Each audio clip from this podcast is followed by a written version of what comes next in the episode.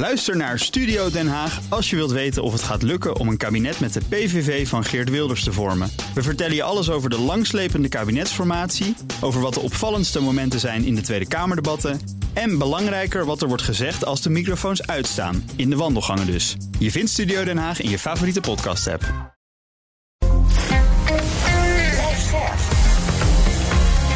BNR Nieuwsradio. The Big Five. Diana Matroos. Nu al hebben 1 op de 10 mensen honger in de wereld. En als het gaat om voedselonzekerheid, gaat het zelfs om 1 op de 3. Maar de echte crisis moet nog komen. De pandemie, de oorlog en het klimaat maken dat er mogelijk een drama op ons afkomt. die wij uiteindelijk ook in het Westen gaan voelen. En daarom wil ik heel graag weten wat de business nou is achter ons mondiale voedselsysteem. En wie dus bepaalt wat we waar eten. Maar vooral wil ik weten hoe we het kunnen keren. En daarom praat ik daar deze week in BNR's Big Five van de voedselcrisis over. Met vier kopstukken, niet vijf, maar vier. Want we hebben natuurlijk Koningsdag en dan geen uitzending. Vandaag is dat Madelon Meijer, landbouweconoom en klimaatexpert van Oxfam Novib.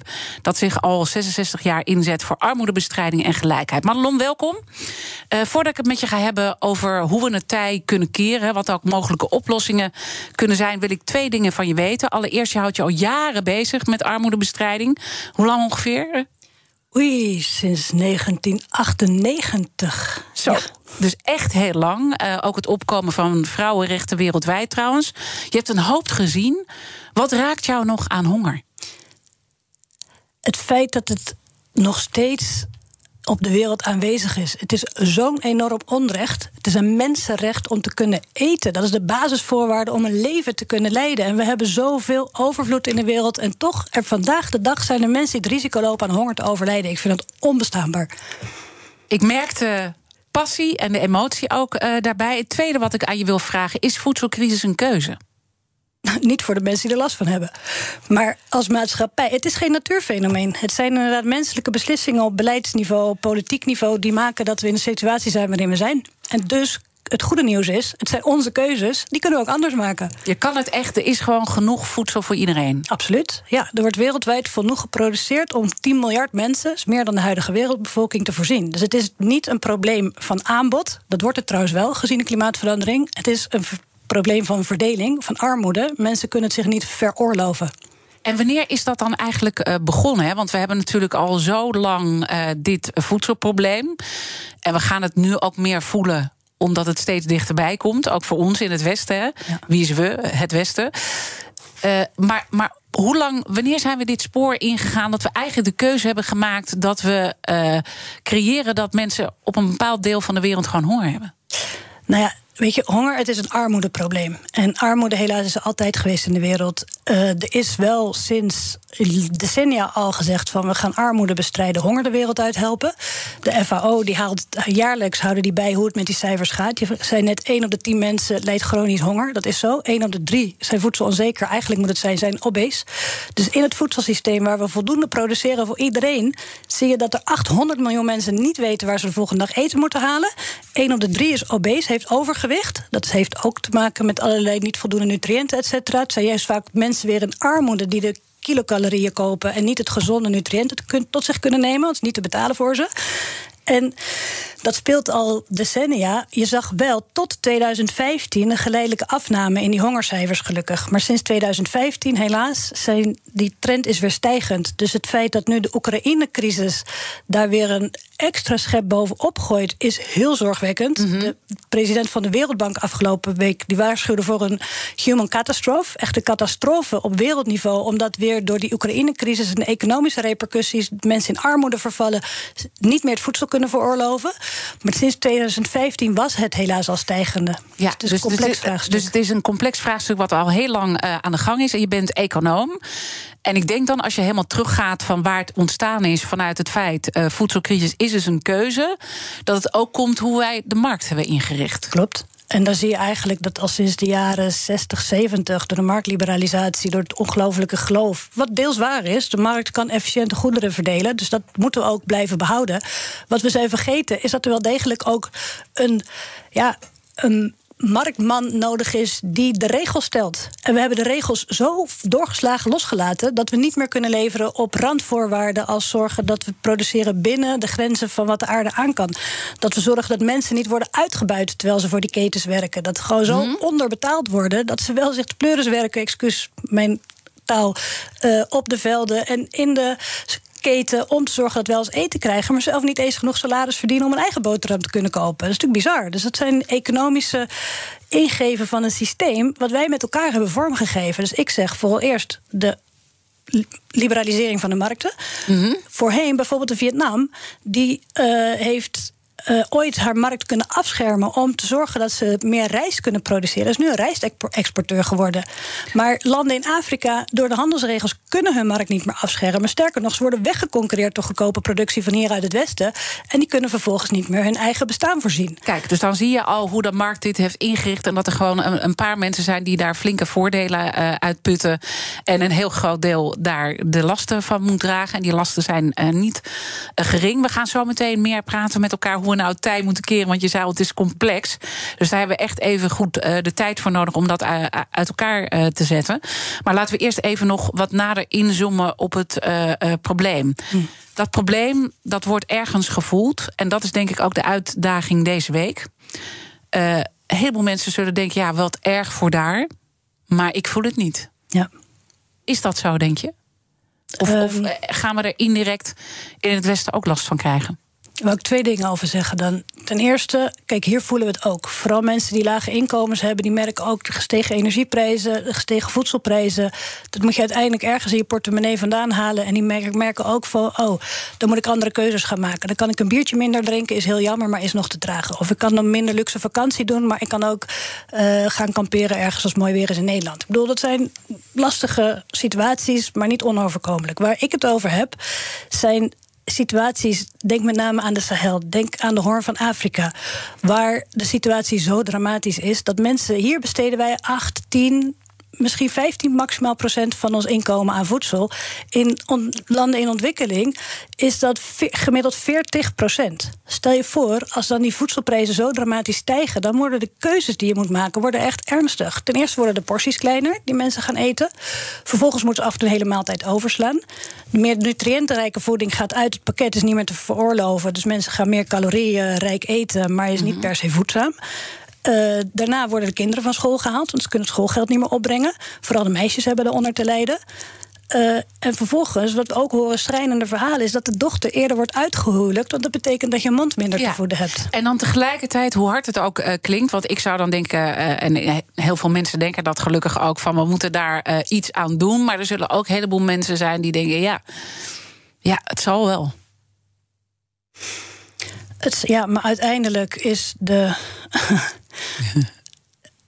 vind ik persoonlijk. Natuurlijk, dat wat ver van je bed is, staat verder van je af. Je hebt je eigen sores. En logisch dat wat dichtbij is, daar maak je het meeste druk om. En uiteindelijk, ja, ik wil mensen niet die afweging moeten laten maken dat jij anders moet gaan handelen, omdat anders die migranten komen.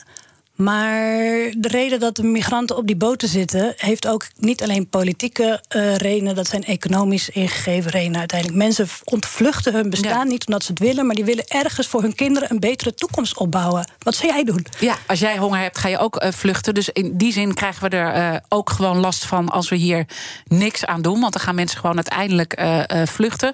ik zou ook zeggen, omarm die diversiteit. Waarom is het alleen een last? Ja, je zou het zo moeten inrichten. Nee, dat je ik snap dat vanuit Oxfam Novib dat je dat uh, zeg. Maar ik probeer ook het realisme. Want iedereen is gewoon druk bezig met zijn eigen leven. We hebben het natuurlijk eerder ook gezien bij de Arabische lente. Hoe hoge voedselprijzen een samenleving kunnen destabiliseren. En wat er uiteindelijk dus geopolitieke problemen ergens anders ook hier uh, tot, tot een, uh, een effect kunnen leiden. Absoluut. En daar gaan we meer van zien, helaas. Oké, okay, laten we dan even naar jullie rapport gaan. Want jullie hebben daar nou waarschijnlijk heel veel rapporten over geschreven. In het laatste rapport First Crisis, then uh, Catastrophe van april van dit jaar staat: wereldwijd loopt ruim een kwart miljard meer mensen een groot risico om, in, uh, om dit jaar in extreme armoede te belanden. Ja. Is dat een fikse stijging? Ja, is een zeer fikse stijging. En let wel opnieuw, de mensen die in armoede vervangen, vervallen, die krijgen dus honger en moeten andere mm, manieren gaan vinden om zich te kunnen voeden. Maar wat ook interessant is, wat mensen zich niet realiseren, als we het vaak over het voedselvraagstuk hebben, denken mensen aan wordt er genoeg geproduceerd, weet je?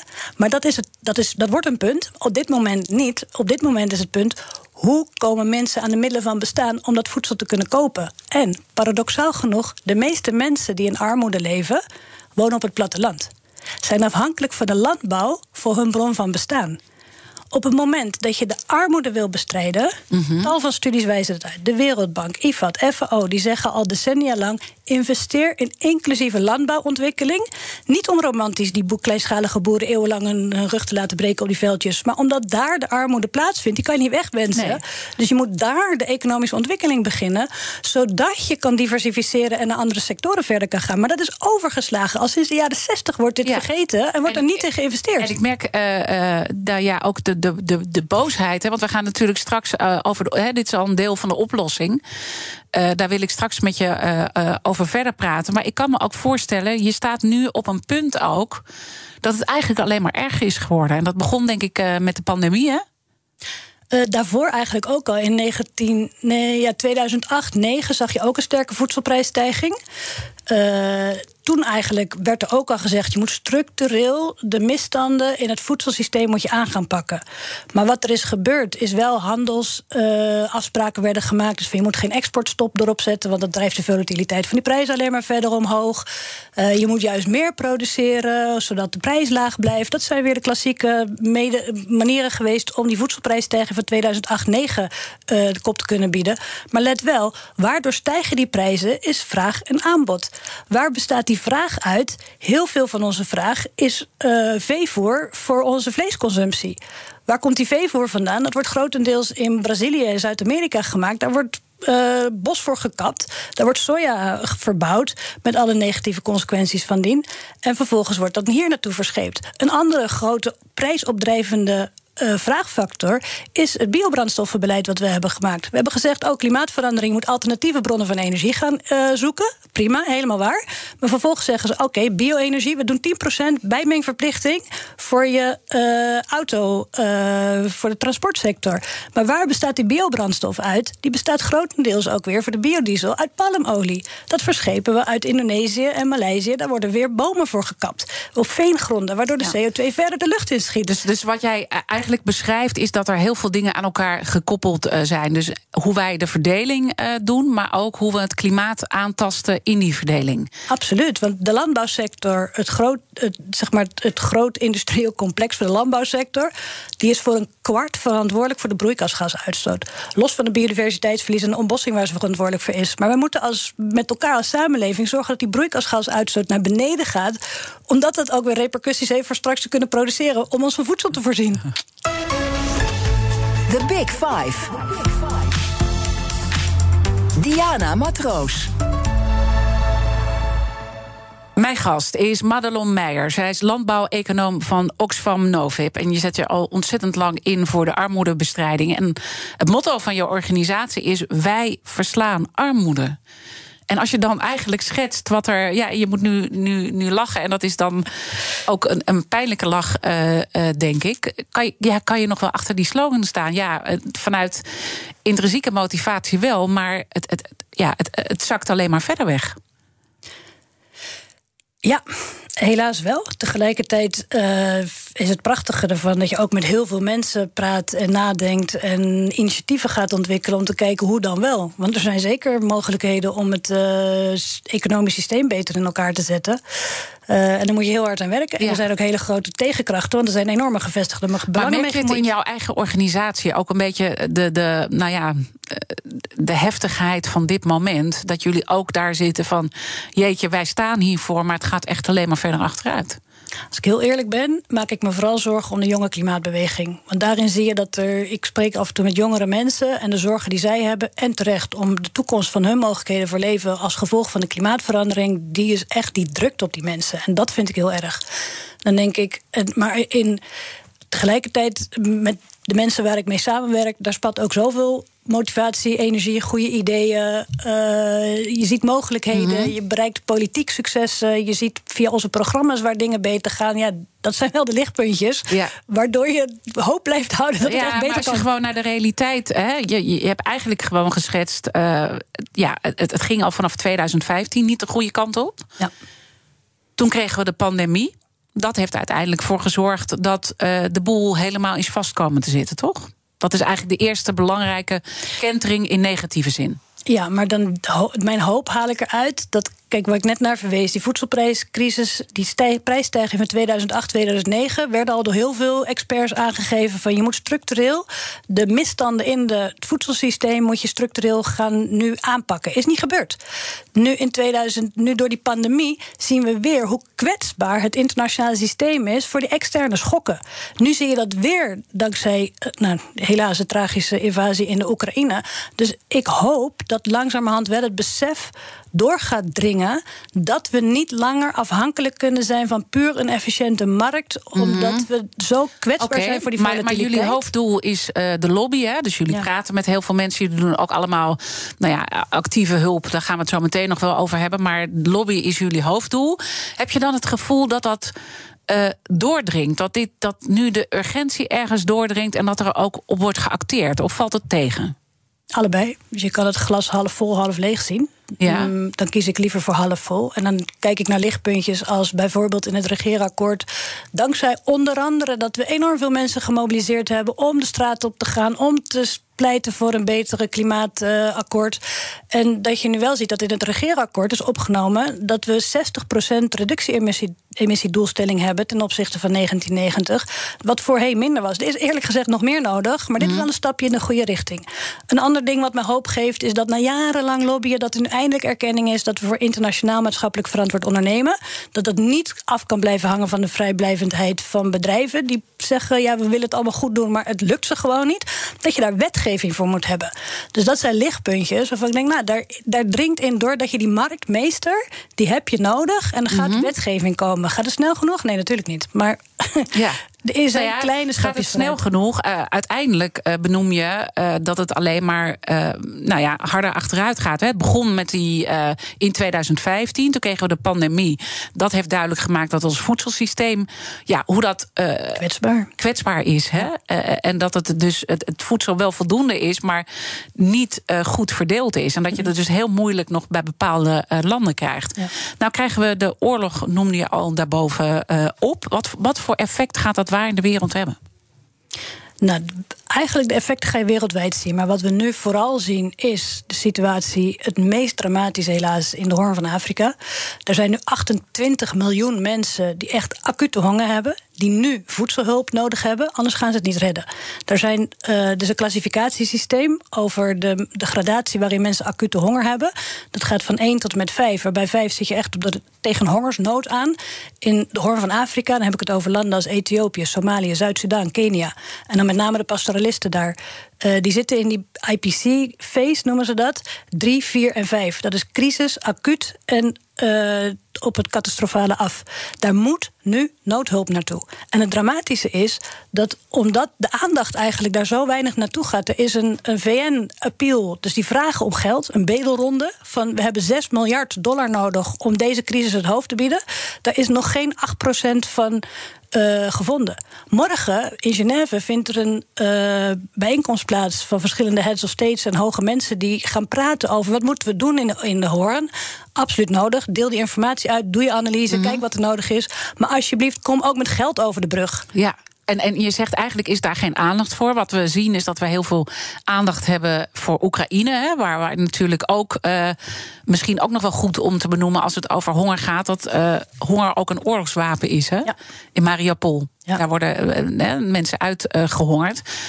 Maar daar zien we dat we heel veel aandacht aan schenken. Maar ja. eigenlijk wat de effecten dus door die oorlog zijn voor die gebieden die jij beschrijft, daar hebben we eigenlijk de aandacht niet voor. Nee, en erger nog, is een vergeten crisis. En ook in, bijvoorbeeld in de Sahellanden, dat zijn 10,5 miljoen mensen die in die categorie 3, 4, 5 vallen. Van crisis naar extreem naar catastrofale problemen. En uh, je ziet al donoren die voorheen geld aan uh, de Sahel wilden besteden, die hebben dat nu richting een Oekraïne. Uh, uh, oplossing gezet. En dat is nodig. Die mensen in Oekraïne hebben absoluut hulp nodig. Dat is niet te ontkennen. Mm -hmm. Maar dat zou niet ten koste moeten mogen gaan van de hulp die mensen in andere regio's nodig hebben.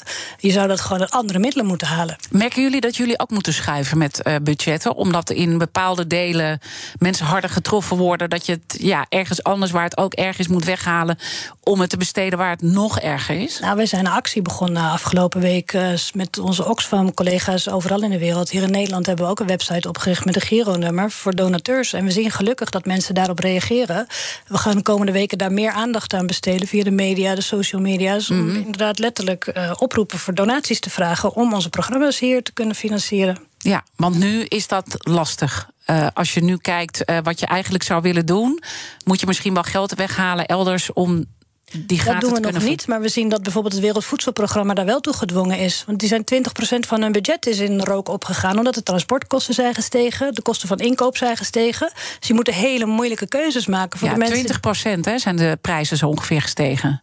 Denk ja, ik. dat verschilt ook per gewas. Maar om, en ik zie ook projecties dat gaat 37% omhoog worden. Alleen dan hangt het heel erg vanaf. Heb je het over alleen de granen of heb je het ook over andere producten? Zo'n zo Food Price Index. Mhm. Mm -hmm. Uh, moet je meneer van de Rabobank later deze week maar eens vragen hoe dat Wie Draaier, ja, die spreek ik inderdaad uh, op donderdag. Ja, ja dat zal ik hem zeker, zal ik hem zeker vragen.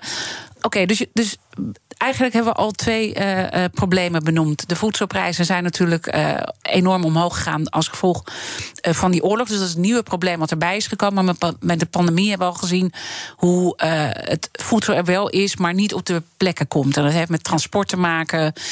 met ja, bepaalde. de lockdowns heeft ervoor gezorgd dat al het voedsel ook voor ons. Ja. Uh, problematisch is geworden, maar dus voor die gebieden nog uh, uh, veel meer. Toch zou je ook kunnen zeggen: waarom kunnen die boeren zelf dan niet toch die problemen daar oplossen? En je begint al een beetje te lachen. uh, ja, en het is misschien een beetje een stomme vraag, maar misschien goed om te benoemen wat daar de problemen zijn, waardoor ze het. Want dat zou je eigenlijk willen, hè, dat ze het zelf oplossen. Ja, nou, ja, wat je, want, nou, dat is een goeie, omdat heel vaak hier in Nederland wordt gedacht: wij Nederland, twee na grootste landbouwexporteur ter wereld, wij gaan de wereld voeden. Volstrekte onzin om het even stevig aan te zetten. Wij zouden de wereld niet moeten willen hoeven voeden, want wat ik net aangaf, het is een armoedeprobleem. En het zijn vooral de boeren in arme landen die het meest zelf voedselonzeker zijn. Dus je wil juist hun potentie verder benutten. En let wel. Uh, 500 miljoen kleinschalige boeren in de wereld... die voeden het merendeel van hun eigen bevolking. Alleen verdienen er niet heel erg briljant goed aan. Dus eigenlijk zou je denken van... hé, hey, als je het nou in hun potentie meer investeert... dan kan hun productie omhoog, verdienen ze betere inkomsten... is er meer overschot ook om op de lokale markten weg te zetten. Wat dat betekent, wat je moet doen... is zorgen voor je goede landbouwvoorlichting is zorgen voor goede onderzoek, publiek gefinancierd onderzoek. Wat kijkt van hoe zorg je nou dat die productiviteit omhoog kan, gegeven veranderende weerpatronen, uh, droogtes die heersen, overstromingen die er zijn. Wat ja, voor zaden dat, moet je gebruiken om te zorgen dat. Want dat toch... zijn de problemen daar. Hè? Dat komt er ja. gewoon nog eens een keertje bovenop, boven de, de pandemie en alle andere problemen die we hebben beschreven. Dat ze daar te kampen met droogte en uh, met, met, met uh, nou ja, hele ja, ik weet, ik weet, weet, dat je iets wil zeggen. maar hou even je punt. Want we, laten we straks gewoon met elkaar uh, verder praten in het tweede deel van het gesprek. Mijn gast vandaag is Madelon Meijer. Zij is landbouweconoom van Oxfam Novib. En ik merk al, je zit al heel erg in de drive uh, van de oplossingen. Maar er zijn er nog wel uh, meer. want jullie willen ook de rijken aanpakken als het gaat over de mondiale voedselcrisis. Blijf luisteren. Ook Liesbeth Staats vind je in de BNR-app. Ja, heel handig. Luister live naar Kees en mij tijdens de Daily Move. Dan blijf je ook gelijk op de hoogte van breaking news en het laatste zakelijke nieuws. En daar vind je ook alle BNR-podcasts, waaronder de Perestrooikast. Download nu de gratis BNR-app en blijf scherp. Blijf scherp. BNR Nieuwsradio. The Big Five. Diana Matroos. Welkom bij het tweede halfuur. In BNR's Big Five van de voedselcrisis praat ik deze week met vier kopstukken. Vier en niet vijf vanwege Koningsdag, want dan hebben we geen uitzending. Uh, donderdag zal ik praten met Wiebe Draaier, de topman van de Rabobank... over de rol die banken hebben in het oplossen van de voedselcrisis. En ik sluit de week af met Fijke Siebesma... die op het wereldtoneel werkt aan de aanpak van de voedselcrisis. Mijn gast vandaag is Madelon Meijer. Zij is landbouweconoom van Oxfam Novib. Komend half uur wil ik in ieder geval nog twee onderwerpen met je bespreken. Of Nederland een voortrekkersrol moet pakken bij het oplossen van de voedselcrisis en wat de Nederlandse bedrijven daarbij kunnen doen. En hoe we uiteindelijk die catastrofale voedselcrisis voorkomen. Want we hebben nu al de nodige uh, problemen, maar je hebt net goed geschetst, Madelon, uh, ja, dat die problemen alleen maar uitbreiden en op welke punten dat dan is. Laten we met het voorkomen beginnen en daarmee meteen ook de kettingvraag erbij pakken. In de vorige aflevering was Mark Deuze te gast bij mijn collega Paul van Liemt. mijn collega collega maakte toen de Big Five van de verdiepende podcast. Een heel ander onderwerp, maar had wel een mooie vraag voor jou. Mark is hoogleraar mediastudies aan de Universiteit van Amsterdam. En hij wilde dit graag weten we hebben nu die aankondiging van dat er een grote wereldwijde voedselcrisis aan zit te komen. Met name ook door eh, de oorlog in Oekraïne.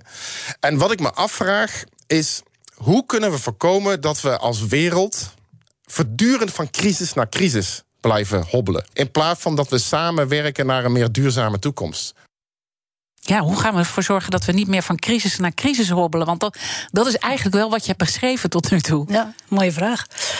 Um, uiteindelijk, heel abstract geef ik hem antwoorden en dan uh, wat er op korte en lange termijn moet gebeuren. Uiteindelijk, de politiek moet belangen afwegen. En je ziet nu toch dat de politiek haar oor laat hangen naar uh, gevestigde belangen. En dat is logisch, want die stribbelen tegen op de verandering die nodig is. Maar uiteindelijk moet het maatschappelijk belang zwaarder wegen. En dat gebeurt aantoonbaar niet. En dan blijven we van de een in de andere crisis vallen. Klimaatcrisis, uh, voedselcrisis, armoedecrisis. Nog niet. een andere crisis zal ik even niet benoemen. Maar wat moet je er concreet aan doen? Op de lange termijn een transitie van het voedselsysteem. Mm -hmm. het zo over hebben. Maar nu op kort, dat duurt tijd. Ja. En mensen hebben nu noden. Dus okay. wat je nu moet doen, los van de noodhulp die heel erg noodzakelijk is, maar ook om te zorgen dat die markten nog enigszins blijven functioneren, is realiseer je dat veel van die granen nu eigenlijk de voorraden zitten in de VS, in India en in China. En nou, dat was dus uh, Oekraïne en Rusland hadden samen 25% van de granenexport, van de maïsexport voor, voor rekening. Dat, die weg is afgesloten. Uh, wat je wil eigenlijk is een soort van monitoring systeem om te weten waar zijn die voorraden nu en hoe krijgen we die op de punten waar het nodig is. Maar kijk bijvoorbeeld naar China. Nu weer door COVID zijn de grenzen dicht. Dus hoe zorg je er praktisch voor dat en we weten ook eigenlijk ook niet wat de kwaliteit van de granen zijn. Maar mm -hmm. wat je mhm. zou willen is dat die transport weer gewoon punt van A naar B brengt. Mm -hmm. Nou, dat is een hele uitdaging. Dat moet je dus monitoren. Wat je ook hoort bijvoorbeeld van de minister van Landbouw in Rwanda, dat hij ziet er wordt meer speculatie nu uh, gaat er gebeuren. Wat weer de volatiliteit opdrijft. Dus je moet ook monitoren dat mensen niet profijt gaan trekken van die onzekerheid en de volatiliteit die er nu is. En zorgen dat die speculatie uit de markt haalt. Want, want, want als je dan begint, eigenlijk bij het begin van ons gesprek, dit, dit, uh, deze hele markt is vanuit het marktdenken ingericht. Ja. Dus er is nu schaarste. Dus dan, ja, dan krijg je natuurlijk dat daar weer op gespeculeerd wordt. Op ja, dat, uh, daar heb je dus een marktmeester voor nodig. En die bestaat eigenlijk niet. Maar wat je dan mee kan beginnen, is in ieder geval informatiesystemen oprichten. En zorgen dat je je handelsdingen uh, zo afspreekt. Bijvoorbeeld in 2008 opnieuw, met die stijging van de prijzen, zag je dat exporterende landen een exportbaan neerzetten. Van wij exporteren niet meer, we houden het voor onze eigen bevolking. Begrijpelijk vanuit het land gezien. Maar op wereld, wereldniveau, de importerende landen hebben er alleen maar meer last van. Het is eigenlijk net zoals uh, met de vaccins. Hè? Toen was het ook van uh, wij eerst. Ja. Uh, en, en, ja. okay, dus, maar als je jezelf afhankelijk maakt van internationaal systeem... moet je zorgen dat het systeem blijft werken. Maar op langere termijn wat je wil... is juist die afhankelijkheid verminderen. Ik wil niet zeggen dat iedereen volledig zelfvoorzienend moet zijn... maar wel dat je de balans terughaalt naar het deel zelfvoorzienendheid... en afhankelijkheid van de markt. Want je ziet keer op keer dat die markt gewoon spaak loopt. Mm -hmm. maar, maar toch even terug naar die korte termijn. Hè? Want ja. je zegt uh, uiteindelijk moeten we zorgen dat die uh, dat het voedsel weer komt op de plekken uh, waar het is. En dat moet gemonitord worden. Van waar is dan uh, dat voedsel? En ja. hoe krijgen we dat zo snel mogelijk van A naar B naar de plekken waar het nodig is? Ja. Wie moet dat dan op zich nemen? Nou, dat is een hele goede vraag. Ja. Daar zijn heel veel mensen bij betrokken. En handelaren en verschepers en uh, instellingen. Dus dat zou ik ook aan andere gasten willen voorleggen. Hoe krijg je dit logistiek op dit moment voor elkaar? Ja, daar heb ik niet uh, pasklaar antwoord op, helaas. Omdat daar zoveel partijen bij betrokken zijn. Maar die moet je in ieder geval met kop om de tafel gaan zetten. om te gaan nadenken hoe gaan we dit voor elkaar krijgen. Ja. Maar wat er ook nodig is, is dat veel van die importerende landen. die hebben eigenlijk fiscaal is hun ruimte zeer beperkt om die hogere prijzen te kunnen betalen. Uh, die kunnen de, zich niet meer veroorloven. Doet in hun eigen land de voedselprijzen weer stijgen. Wat nadelig is voor de consumenten die dat inkopen. Die mensen hebben gewoon een sociaal vangnet nodig. Maar die landen hebben een gigantische schuldenlast. Als je ziet voor wat landen aan voedselimporterende landen nu aan schuldenlast hebben, is 43 miljard dollar. Wat je zou willen is zeggen van, tegen de landen die die schulden hebben uitstaan van even schuldverlichting. Zorg dat die landen in ieder geval hun reserves kunnen gebruiken om voedsel te kunnen kopen. Want die regeringen daar kunnen, kunnen totaal niet aan op dit moment om die klap op te vangen. Nee, veel niet. Nee. En dat sociaal vangnet dat verdwijnt vervolgens en uh, ten koste van de mensen die daar nu zitten. Dus eigenlijk wat we zeggen is, daar waar gelden zijn... Kijk, het gaat niet zozeer om de individuen per se, maar het gaat om de orde van grootte. Een schuldenlast van 43 miljard euro. Dat afgezet tegen een berekening die we hebben gemaakt... dat de uh, Mm, winstgevende multinationals in 2020... die hadden winst ter orde van grootte van 104 miljard. Nou, als je daar uh, belasting op heft dan kan je, het gaat er niet om dat je dat direct verschuift, maar de orde van grootte van de schulden die er zijn versus de winsten die gemaakt worden, daar klopt iets niet. Wat je wil is dat die grote multinationals hun belasting afdragen, zodat er publieke middelen zijn om te kunnen investeren in dat landbouwvoedselsysteem, in de zorg, in het onderwijs, in het sociaal vangnet. Die middelen zijn er nu niet, want heel veel bedrijven betalen hun belasting niet. En, en dat, is, dat is het schrijnende eigenlijk uh, van die pandemie, hè, dat het uiteindelijk heeft gezorgd dat dan een paar mensen, want dat hebben jullie ook becijferd in een rapport dat een paar mensen gewoon ontzettend rijk zijn geworden. Nog rijker dan dat ze al waren. Ja. Misschien goed om even wat cijfers te noemen. Nou ja, kijk naar als het binnen de voedselsector houdt. Opnieuw, het gaat niet om de individuen, maar het gaat om een illustratie hoe scheef de verhoudingen zijn. Dat je laatst ook las dat uh, de kinderen van de familie Cargill, Cargill is een enorme grote handelaar, die zijn nu de top 500 van de rijkste mensen ter wereld uh, gekomen. Nestlé-aandelen, die gaan de pan uit. Gaat hartstikke goed met de aandelen van Nestlé. Uh, de familie Mars, die is niet beursgenoteerd, maar die hele familie Mars heeft een vermogen rond de 90 miljard euro. Denk je, ja, het gaat mij niet om die familie aan zich, maar het feit dat er zo absurde rijkdom kan bestaan. Naast zulke abjecte armoede dat hebben we niet goed ingericht met elkaar. Want als je kijkt naar de, de pandemie, uh, wie zijn er het meest achteruit gegaan? Als je dat dus even in contrast zet met de rijken die dus veel rijker zijn geworden, waar zijn de hardste klappen terechtgekomen? Ja, opnieuw bij de kwetsbare gemeenschappen die uh, geen vaste baan hebben, die doordat de maatregelen van de pandemie te bestrijden moesten thuiszitten. Maar dat zijn dagloners die gewoon elke dag opnieuw de straat op moeten om te kijken waar ze hun inkomsten vandaan halen om het eten voor die dag te kopen. En als jij de straat niet op kan, heb je ook geen inkomsten heb je dus geen eten. En dat zijn ook weer vooral de vrouwen die daardoor getroffen zijn... en de kinderen die van school gehaald worden. En het zijn de kwetsbare groepen uh, die daaronder te lijden hebben. En daarmee zeggen jullie uh, eerlijkere belastingen en ook aanpak van belastingontwijking. Dat zie je als een soort lange termijn oplossing dan? Nou ja, weet je, dat is een deel. Je moet die belasting gaan heffen. En vervolgens is de vraag: waar investeer je dat geld dan in? Dus ja, je moet je publieke middelen hebben. En vervolgens, wat doe je daarmee? Daarmee ga je opnieuw investeren in die kleinschalige landbouw. Want er zijn 500 miljoen kleinschalige boeren wereldwijd die hun gemeenschappen en hun eigen families van eten voorzien. Dus als je daar al in investeert, dat hun productiviteit omhoog gaat, dat ze spullen kunnen afzetten op de markt, inkomsten kunnen genereren en vervolgens die economische ontwikkeling opzet. Maar dat, dat begint, dat hebben we hier in Nederland ook gedaan. Dankzij onze fantastische IDN, de Rabobank inclusief, die via coöperaties uh, financierde. Dus zo'n model wil je wel weer kunnen nastreven. Maar inmiddels is de Rabobank een beetje van het corporatieve denken afgedwaald. Daar profileren ze zichzelf nog wel mee. Van wij komen uit coöperatieve. Nou, ik denk dat wie daar ook een, een uh, boeiend verhaal bij heeft. Hoe die, hoe die uh, verandering ook bij hun maar vraag rol speelt. Hem, ja? Vraag hem dan ook alsjeblieft waar de grote gelden heen gaan en waarom waarom ze zo blijven investeren in die enorme plantages waar soja geproduceerd wordt en suikerriet in Brazilië, die ten koste gaat van het regenwoud en van de inheemse gemeenschappen daar. Dus natuurlijk heeft de Rabobank een fantastisch verhaal. Maar er zijn ook kantjes aan die ietsje minder mooi zijn dan het filmpje doet geloven. Nou, ik denk dat we, dat we een mooi gesprek kunnen hebben waar beide kanten belicht worden. En daar kan wie Draaier zeker uh, uh, gewoon antwoord op geven. Ja. Uh, zou je ook kunnen zeggen dat uh, de World Trade Organization een bepaalde rol moet pakken? Hè? Want, je, want je zegt ja, we moeten de rijken uh, uh, aanpakken. Maar ik denk, ja, ergens is gewoon genoeg voedsel. Dus dat, dat is niet het uh, probleem. moet, moet die niet ook een rol pakken als het gaat om het verdelen van het voedsel? En ook bepaal, zorgen dat bepaalde markten niet naar de Filistijnen gaan? Hè? Want dat ja. beschreef je eerder. nou, dan gaat het vooral over de beleidsvrijheid die je nationale landen geeft, nationale overheden, om inderdaad hun sector tijdelijk toch te kunnen beschermen. Bijvoorbeeld, als je ziet wat er met de melk gebeurt in West-Afrika. Daar heb je uh, eh, 48 miljoen veehouders die zou, die zouden kunnen, hun koeien kunnen melken en kunnen vermarkten.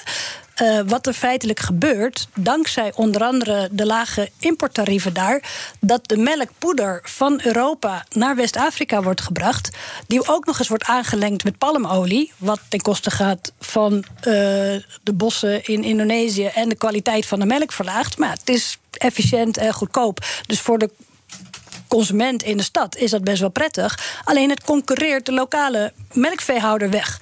Die ook nog dankzij corona thuis kwam te zitten en niet naar de markt mocht met zijn melkbusje om het te verkopen. Dus die was twee keer de sigaar.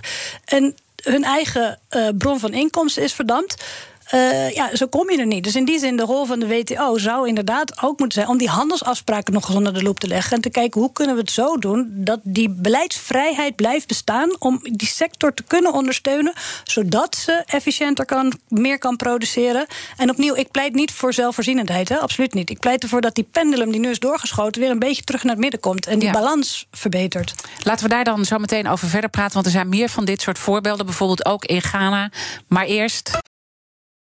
Ook Bas van Werven vind je in de BNR-app. Ja, je kunt live naar mij en Iwan luisteren tijdens de ochtendspits. Je krijgt een melding van Breaking News. En niet alleen onze podcast Ochtendnieuws, maar alle BNR-podcasts vind je in de app. Download nu de gratis BNR-app en blijf scherp. BNR Nieuwsradio. The Big Five. Diana Matroos. Je luistert naar BNR's Big Five van de voedselcrisis. Mijn gast vandaag is Madelon Meijer. Zij is landbouweconoom van Oxfam Novib. Je hebt net al uh, mooi antwoord gegeven op de kettingvraag van de vorige gast. Maar de vraag gaat natuurlijk uh, door. Je mag een vraag stellen aan mijn volgende gast. Dat is Bart de Steenhuizen-Pitters. Hij is onderzoekscoördinator bij de Universiteit Wageningen... en gespecialiseerd in voedselsystemen. Wat zou je hem willen vragen? Nou, die voedselsystemen, iedereen heeft het erover. Er moet een transitie plaatsvinden. Daar was Oxfam ook ideeën over. Dus hoe in zijn idee is die langetermijn transitie... waar moet je nu beginnen om op lange termijn die transitie te bewerkstelligen. En dan heb ik het erover een voedselsysteem wat voor iedereen voldoende voedsel kan bieden. Dat mensen toegang kunnen hebben tot dat voedsel. Dat het geproduceerd is binnen de grenzen van, ons, uh, van wat de aarde aan kan. En dat mensen een eerlijk loon biedt. Maar dat kost tijd. Dus wat doe je nu om dat lange termijn te bewerkstelligen? Plus, wat doe je op de korte termijn nu om te zorgen dat uh, mensen kunnen blijven eten.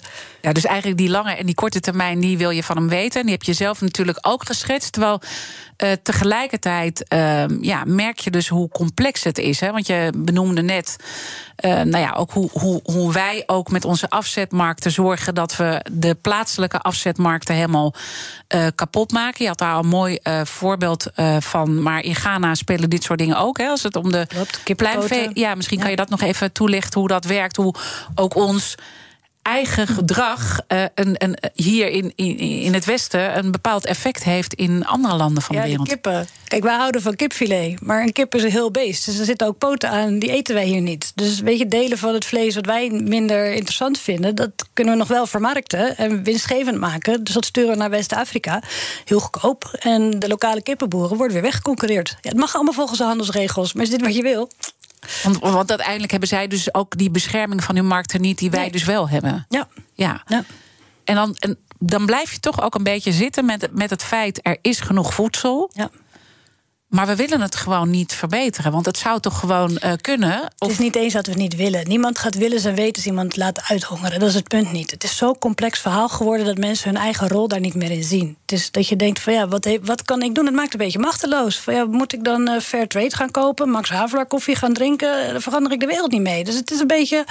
Mensen denken ja, ja, ik weet het ook niet meer. Wat kan je dan wel doen? De lichtpuntjes zien.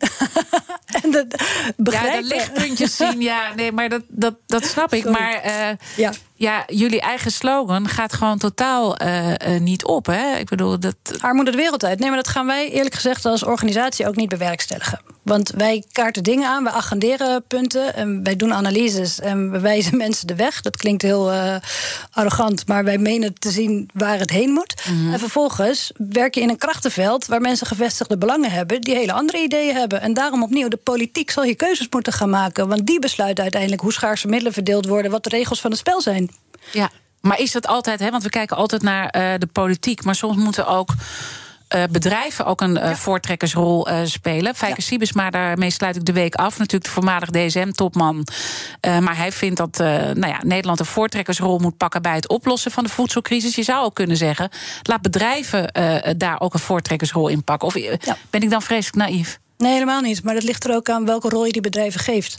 En als het frame hier gaat van wij gaan de wereld voeden, zit je niet op de goede weg. Maar als het gaat van met de kennis die wij hebben, kunnen we samen met de lokale kennis die daar aanwezig is, uh, een stap verder zetten, dan ben je goed bezig. Maar dat gebeurt te weinig. En dus, waarom gebeurt dat te weinig? Omdat ons economisch systeem zo is ingericht dat uiteindelijk je voor winstmaximalisatie gaat. Dus voor heel veel bedrijven zit er geen verdienmodel in om bijvoorbeeld een mangrovenbos in Bangladesh te gaan herstellen. Die als er een tsunami is, normaal gesproken prima functioneert om de mensen kustbescherming te geven. Maar die mangrovenbossen zijn weggehaald omdat daar uh, visdingen uh, zijn neergezet. Want dat verdient op korte termijn geld. Dus de destructie die ermee plaatsvindt, dat is wat korte termijn winst oplevert. Maar de lange termijn duurzaamheid wordt vergeten. En dan denk ik, bedrijven hebben absoluut een positieve rol te spelen. Maar dat begint met centraal stellen: voor wie doe je dit? En wie heeft hier profijt van? En wat mij betreft, degene die hier profijt van moet hebben, is die lokale boer. Is die boerin in Nigeria, die daar op haar teenslippers die rijstvelden staat te bewerken. en vraagt hem een paar laarzen. zodat ze niet het risico heeft dat ze een slang wordt gebeten. Zo simpel is het. -hmm. En jij zegt ook dat. Uh, uh we ook meer moeten investeren in vrouwen, volgens mij. Precies. Ja. Nou ja, dat, maar misschien moet je dat even uitleggen ja. hoe dat dan. Uh, zit en hoe dat dan met armoede te maken heeft. Ja. En dat we de, de, dit grote ja. voedselcrisisprobleem gaan oplossen. Nou ja, kijk, de miljoenen mensen waar we het over hebben, uh, die 500 miljoen kleinschalige boerenbedrijven, let wel, heel veel daarvan zijn uh, door vrouwen geleid. Maar dat vergeten we. Want vrouwen die verzorgen het eten en die zorgen voor de kinderen, die zorgen ook voor het voedsel wat op tafel komt. In, in Nigeria bijvoorbeeld opnieuw. We waren daar op werkbezoek en dan waren we bij een coöperatie die fantastisch werk levert. Die zet die boeren bij elkaar. Die zorgen ervoor dat ze kunnen onderhandelen voor een betere marktprijs. Die leren elkaar hoe je betere technieken toepast om die rijstproductie te verbeteren. Dus wij zitten daar onder zo'n boom in de schaduw. En de president van de coöperatie die vertelt ons een mooi verhaal. En de voorzitter en de penning meester en dan vragen wat heb je nodig? Nou, ze zouden heel graag meer geld willen hebben om in een tractor te kunnen investeren. Dan denk ik, ja, logisch, snap ik. Want met een tractor bewerk je het land en dan kan je mm -hmm. beter produceren. Dan krijg je vragen waar haal je het geld vandaan en hoe zorg je voor je onderhoud en heb je de, de voorzieningen daar wel voor? Allemaal dingen. Dat waren die mannen heel erg in geïnteresseerd en we gingen helemaal mee in het verhaal. Gaan we naar die velden toe en opnieuw kom je bij. Daar zijn de vrouwen aan het werk. Die, zet, die met hun machetten staan ze daar de grond te bewerken om een nieuwe oogst te kunnen, beginnen. En dan vraag je ook aan die vrouwen: Goh, wat, wat denk jij, wat heb jij nodig om beter te produceren? En dan kom ik terug bij dat paar laarzen. Zo simpel kan het zijn, maar niemand vraagt die vrouwen wat. Dus iedereen gaat naar die tractoren zitten kijken hoe krijg het voor elkaar. En de laarzen worden vergeten. En die vrouw wordt gebeten door een slang. Waardoor ja. ze de, de andere problemen krijgt. Dus ik zeg heel, en dit is een simpel anekdote om maar aan te geven dat je die vrouwen bij moet het bij proces betrekken. moet betrekken en naar luisteren wat zij nodig hebben. Ja. Want dat wordt zo snel over het hoofd gezien. Maar als je niet weet waar de noden zitten, dan kom je ook met oplossingen die niet en misschien zit dat er ook wel onder in, in de hele oplossing. Ook als je kijkt naar hoe je lokaal de boeren kunt versterken, zowel mannen als vrouwen, dat we. Um, misschien toch ook vanuit een soort. Oh ja, we geven wat geld en we geven een beetje hulp. Eigenlijk eh, ze niet in de, in, in, in de eigen kracht zetten. Klopt. De realiteit is weer barstiger. Geld uitdelen heeft weinig zin. Je moet het investeren op een. En natuurlijk hebben die mensen hulp nodig bij. Weet, nou, informatiesystemen over hoe gaat het met uh, de weersverwachting, uh, hoe zit het met de marktprijzen, um, welke gewassen kan ik wel of niet doen. Maar opnieuw, er wordt heel vaak vanuit laboratoria worden de droogteresistente gewassen gekweekt die in een laboratorium prima werken, maar niet per se goed zijn voor de condities van het veld waar die mensen in werken. Dus wat je beter kan doen, en wat maar mondjesmaat gebeurt, daar pleiten wij voor om dat uit te breiden, is van die uh, boerenveldscholen opzetten. En dan uh, de kennis van die boeren gebruiken samen met de mhm. kennis van de wetenschappers, van de lokale onderzoeksinstellingen en samen kijken hoe doe je gewasverbetering. En daar zouden bedrijven natuurlijk ook wel een rol bij kunnen spelen om ook te helpen met die innovaties daar, om daar uh, de boel te versterken. Ja. En, en zie je daar dan ook uh, lichtpuntjes? Of um, is iedereen vooral bezig met zoveel mogelijk geld verdienen? Ja, zo zwart-wit is het natuurlijk niet. Dus als ik negatief ben, als ik cynisch ben, zeg ik ja, zo is het. Want de uitkomsten zijn dramatisch nog steeds. Maar de lichtpuntjes zijn inderdaad waarin je ziet hoe bedrijven uh, wel degelijk hierin investeren. Maar opnieuw, voor een bedrijf om het interessant te maken, hebben ze een verdienmodel nodig. En, wat, en in veel landen is dat verdienmodel nog te klein voor een aantal boeren. En zeg ik, daar heb je dus publieke middelen voor nodig om, nou, subsidie, om dit te ondersteunen. Ja. En dat is waarom je uiteindelijk zegt: uh, je moet uh, de, de belastingontwijkers aanpakken en daar het geld vandaan halen om die mensen daar uh, te plussen uiteindelijk. Ja. Terwijl ik ook denk, ja, het kromme is, het voedsel is er gewoon. Dus ja, maar het kan dus, het voedsel is er, maar het komt inderdaad niet op de plekken waar het nodig is. En als je het lukt om je zelfvoorzienendheid te vergroten. Uh, om lokaal die marktontwikkeling te stimuleren. Wat ook weer zijn positieve effecten heeft. Heel simpel weer. Die boer die verdient geld, die kan een fiets kopen. Uh, die kan met zijn zak mais achter op de fiets naar die markt gaan. Die band gaat lek, die moet naar een fietsenmaker. Heeft die fietsenmaker ook weer inkomsten. En zo stimuleer je economische ontwikkeling. Ja, maar het, het begint wel, wel, bij die boer. Maar het is complex, hè? Dat is eigenlijk wat jij zegt na al die, al die jaren van... we willen misschien ook wel, maar het is heel complex om het uh, vooruit te helpen. Maar toch ontzettend dank voor de inzichten die je hebt gegeven over hoe het voedselsysteem in elkaar zit. Madelon Meijer, uh, zes van Oxfam Novib, de landbouweconoom daar. Alle afleveringen van BNR's Big Five zijn ook terug te luisteren. Je vindt de podcast in onze BNR-app en op bnr.nl. Maar het allerbelangrijkste is, blijf gewoon live de hele dag op zender. Zometeen iemand Verrips met BNR breekt over de stakingen bij KLM en of je daar begrip voor hebt. Ik wens je een mooie dag.